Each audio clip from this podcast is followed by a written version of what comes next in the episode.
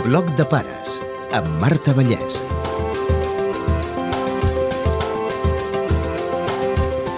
Avui parlem dels superdotats, de com és ser pares d'un petit geni.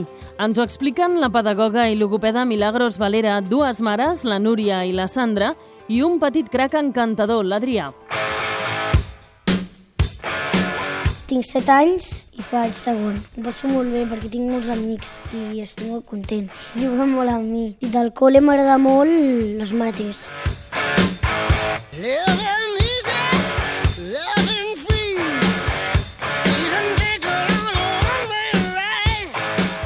Hi ha un estudi de la Universitat Anglesa de Warwick que conclou que el heavy metal motiva les ments més talentoses. Parlem de la superdotació. Consultem l'experta. Un superdotat seria el típic nen que diem és complet i té una bona capacitat en tot, en matemàtiques, en llengua, és eh, creatiu, en lògica, eh? engloba tota aquesta integralitat.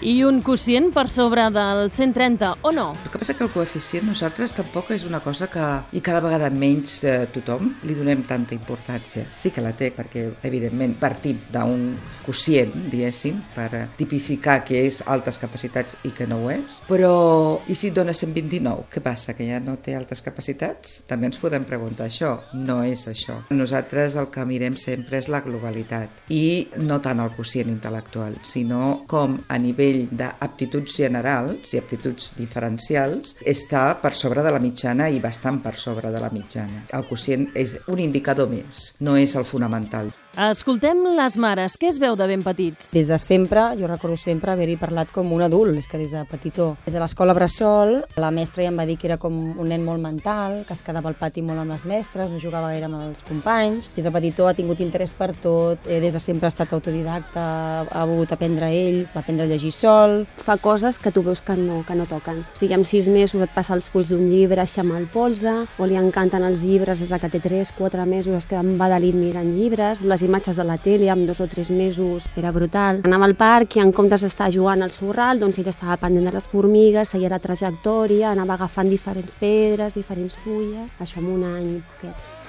El diagnòstic haurà de confirmar les sospites. En P3 i P4 ja en vam parlar, des de sempre han fet un seguiment. A partir dels 5 anys el que ens van dir que ens podien fer el primer diagnòstic. Llavors la vam portar a un gabinet psicopedagògic i allà li van fer el test. Llavors va sortir que sí. Llavors amb això tens una mica doncs, de...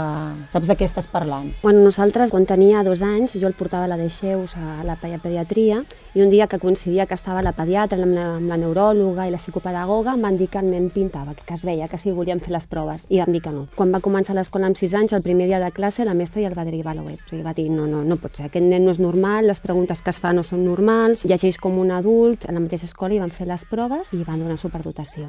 En molts casos, la genètica atorga aquest talent, en altres no. A la nostra família, aviam, tant la meva germana com jo no ens han fet mai les proves, però érem talents acadèmics, les dues. O sigui, érem nenes d'excel·lents sempre i també fèiem treballs que sobrepassaven el nivell de la resta de classe i, i el meu marit sí, sí que ho és. O sigui, la meva sogra m'explicava que el meu marit amb un any i mig li demanava que perquè el riu anava en aquell sentit l'aigua. El meu marit i jo diem que és cosa dels dos. Però no, no, la veritat és que no.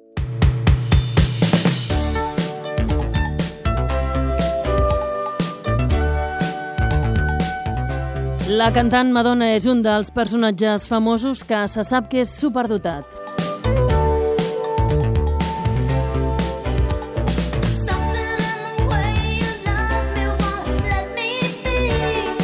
Però ser superdotat no vol dir tenir l'èxit assegurat. El talent s'ha de treballar. Poden tenir fracàs escolar quan no troben cap repte i s'avorreixen a l'escola. No és fàcil. Jo una mica amb el grup que estem, tinc el cas positiu no, de l'escola. A mi des de sempre m'han respost bastant. Per exemple, aquest any fa segon, doncs a finals de l'any passat ja li van fer el PI, un pla individualitzat. La mestra que tenim aquest any també estic molt contenta, li adapta, li adapta les classes, perquè ell no pot passar de curs. És una escola petita, que no hi ha nens més grans i no pot passar de curs. En el nostre cas no. En el nostre cas la detecció la va fer l'equip de, de la primera escola on anava el nostre fill. Sí que ens van dir de fer una acceleració curricular perquè el nen tenia un nivell molt alt i no podia estar primer. Ens van dir d'avançar el, el curs. Però el vam haver de canviar d'escola perquè va patir assetjament escolar i quan van canviar l'escola nova, pública, petita, de de més, no van poder fer res. Van portar un altre informe, li van fer per una detecció privada i tot i així no vam tenir cap tipus d'interès ni a modificar ni en adaptar. Cal formar els docents perquè et detectin i perquè aprenguin a motivar els nens amb superdotació. Entra en aquella dinàmica de què faig? Ho deixo, però es queixa, no vol anar a l'escola, plora, què faig? El trec, a quina escola el porto? Aquesta tractarà les altes capacitats, aquesta escola? Tot això és una angoixa molt gran.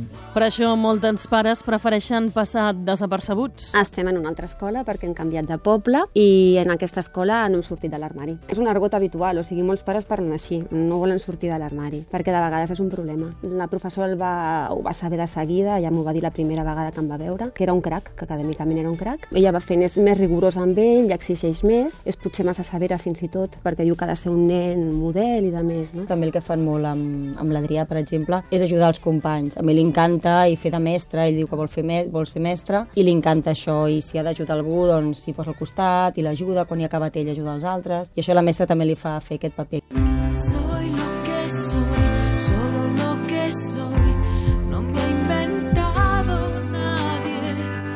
A ells els hi hem de saber explicar per què són diferents. Ha de saber per què ell va més ràpid aprenent les coses, per què ell qualitativament entén les coses de forma diferent als altres, per què té uns interessos diferents. Quan tu ets petit i et veus diferent, moltes vegades també et preguntes i per què jo sóc diferent? El que s'ha de fer és normalíssimament explicar-ho. De fet, estem parlant d'intel·ligència emocional. I els ho agafen naturalment, és que ja ho saben, vull dir, només és posar-li les paraules. tu té molt assumit, molt normal, jo ho entenc més que els altres, i ja està. I... Igual que d'altres que, que, que no saben fer una altra cosa millor sí, que jo. Sí, o d'altres que no arriben, doncs jo, bueno, doncs jo sí, i passo una mica, doncs, bueno. De fet, ell, quan li van començar a fer les proves a la primera escola, li van fer sense demanar-nos permís i ell va arribar a casa dient m'estan fent proves d'intel·ligència perquè m'estan mirant quan llegeixo, quina velocitat, que si tinc memòria... O sigui, que ell mateix ja va saber que li estaven fent aquest tipus de prova. I llavors, bueno, li van dir que sí, que tenia un cervell doncs, que captava més estímuls que els altres i responia més ràpid, que era una diferència com potser un altre doncs, tenia millor oïda, un altre corria més ràpid, i ell ho viu així. I és potser millor que ho sàpiga perquè de vegades quan era més petit em deia que els nens li semblaven extraterrestres, o sigui, no tenia la percepció de que ell ho era, o sigui, ell tenia 3 anys i xerrava com un adult i hi havia criatures amb 3 anys que encara no, no xerraven bé, no? I llavors ell veia la diferència sí, com si parlessin un altre idioma.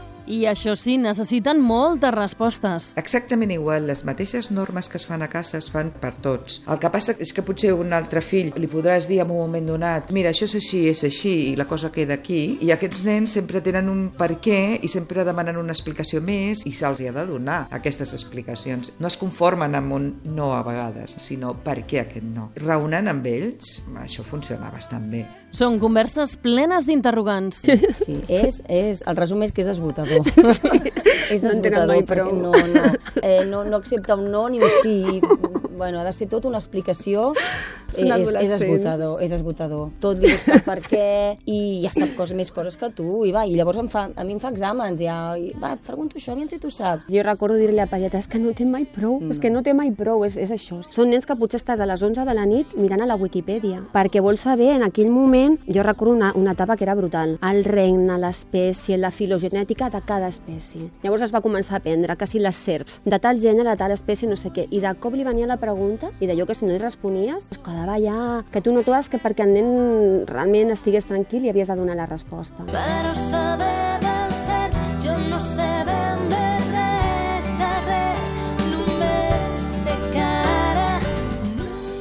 I fins i tot arriben a fer preguntes força profundes. A edats molt tempranes es pregunten coses molt complicades de respondre, el tema de la mort, el sexe... Però de la mateixa manera que són esgotadors, també és molt fàcil de parlar amb ells. Sí, sí, perquè I li dius, bueno, doncs, com que no ho sé, busquem. I llavors, bueno, t'hi adaptes una mica, clar. I, I tot ho agafen amb molta normalitat. Sí. El tema de la mort, qualsevol Sí. tema, tu simplement has de respondre, has d'anar fins on ell et et demani, tampoc no cal accedir-se, no? Tu vas responent i sí, sí, van processant i van... Sí, com la part, per exemple, del sexe, no? Li expliques... amb com... tota normalitat. I no s'escandalitzen, tampoc Res. una cosa, bueno, doncs física i ja sí, està. Sí, tant la menstruació com sí, el sexe, ho com més de l'altra part, l'anticoncepció, no sé. Sí, és tot és... com un altre s'escandalitzaria o... Sí, sí. O, bueno, sí, Sí. o quin fàstic, o bueno, això No. que fan. No, no, no. Tot és molt natural.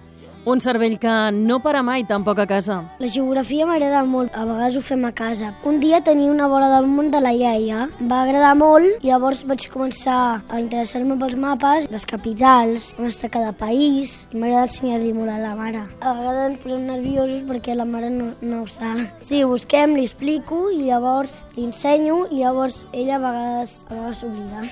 Ser superdotat és un problema o un avantatge? Jo, en el meu cas, penso que serà un avantatge. S'ho ha agafat d'una manera molt natural. Ell mateix es va buscant els seus centres d'interès, ara està amb la geografia, s'ho va buscant. Jo penso que més aviat serà un avantatge. I molt perquè té la part social molt ben definida. Això sí que ho té. Hi ha altres nens que no tant. Jo penso que és un nen feliç i que penso que sí que ho tindrà. Serà una part positiva per ell. En el nostre cas, crec que en un començament ha estat un problema perquè l'ha allunyat de la resta de, de nens i l'han vist com un bitxo raro i això li ha comportat problemes grossos.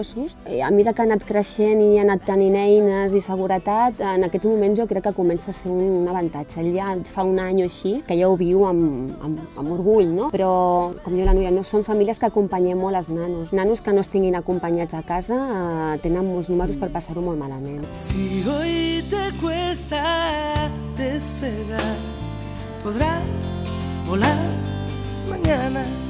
L'escola ha de ser capaç de posar-los reptes que no s'avorreixin. Depèn si és molt difícil, a vegades no costa. A vegades sí que fan coses difícils que els altres no fan. A vegades em posa unes multiplicacions molt altes i, i jo em lio molt. I em posa un bloc de mates encara més difícil que els altres. Ells tenen el 4 i jo tinc el bloc 7. I aconseguir que sigui un mes un nen integrat i feliç a l'aula. Quasi sempre sóc el primer. Moltes vegades faig una altra feina. Vaig a mirar l'ordinador, faig alguna cosa com de mates i coses així difícils, perquè els altres triguen molt a respondre. Perquè jo sempre ho dic molt ràpid i els altres estan allà pensant molta estona. A vegades el Ramon, és el meu monitor de menjador, pregunta coses i el de seguida diu molt bé i, i es molt content. L'Adrià pensa que ja sap què vol ser de gran. Jo vull ser mestre, però així de, de primer, P5, no gaire grans, perquè els més grans es porten més malament i llavors em, em liaré molt. Perquè és interessant i com que veig els mestres el que fan, doncs a mi m'agrada molt per això vull ser mestre. Què els hi podem dir als pares que tenen una sospita? És entendre'ls, és adonar-te'n perquè no és només la superdotació, són extremadament sensibles també. I són nens que igual que et capten de seguida les mates i la física, et capten de seguida també les emocions i els problemes. Jo trobo fonamental això, acompanyar-los. I si algú se n'adona o pensa que pot ser, fugir de les etiquetes, o sigui, si el nen presenta algun tipus de problema, mirar aviam quin és el problema que té. Si el nen ja és feliç de per se i veuen que el fet de tenir un diagnòstic pot augmentar la, la felicitat o la tranquil·litat, doncs que els busquin. Jo veig bastant necessari fer un diagnòstic per posar l'etiqueta a allò que té el teu fill, no? allò que li passa. Penso que està bé. I sobretot això, sí, acompanyar-los amb tot. I sempre ajuda a trobar-se i parlar. És una associació de pares que fem un esplai. Llavors ens reunim, quan els nens fan l'esplai, mentre juguen i fan les activitats que han de fer. Nosaltres també ens reunim com a pares, intercanviem experiències. Fem escola de pares també amb la tenim una psicopedagoga que fem escola de pares i bé, és una mica, una mica de tot. Però els nens estan contents. És que parlen el És mateix un espai idioma. petit, exacte. És- Són una mica friquis. Els agrada molt jugar amb les paraules. Quan arriben allà, Sí. es deixen anar. Que jo sóc una mica friqui en això, bueno, tu potser ho ets més en d'altres temes, cosa. no? Jo crec que els hi va molt Sí. bé, realment els hi va Això molt també bé. ens va bé, un grup d'iguals. Every breath you take,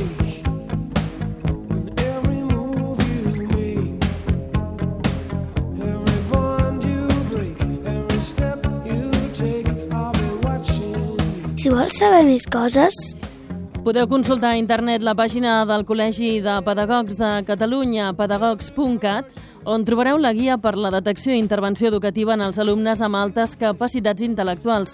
També les pàgines de les associacions de famílies de superdotats, afins.org i fanjac.org, i llibres que poden ser útils, Altas capacidades intelectuales y alumnado con altas capacidades, tots dos de graó, i altas capacidades intelectuales, la asignatura pendiente de Orsori. També el llibre La realitat de una diferència los superdotados, de Sandra Tarragó, Mercè Martorell i la Susana Arroyo, editat per Teràpies Verdes.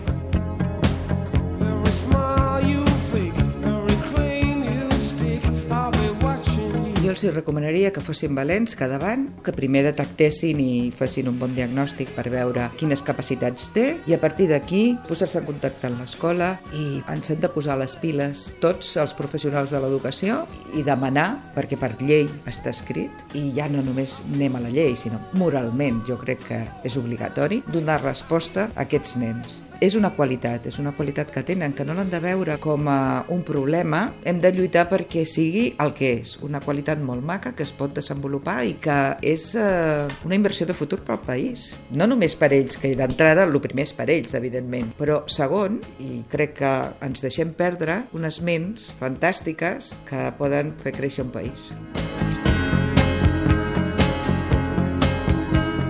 Sí, em diuen que ho sé tot, però jo dic que no ho sé tot, perquè tot, tot no ho sé, això sí que no. I no vull que pensin que jo sóc un cregut, jo no sóc, tot el contrari, sóc, sóc com els altres.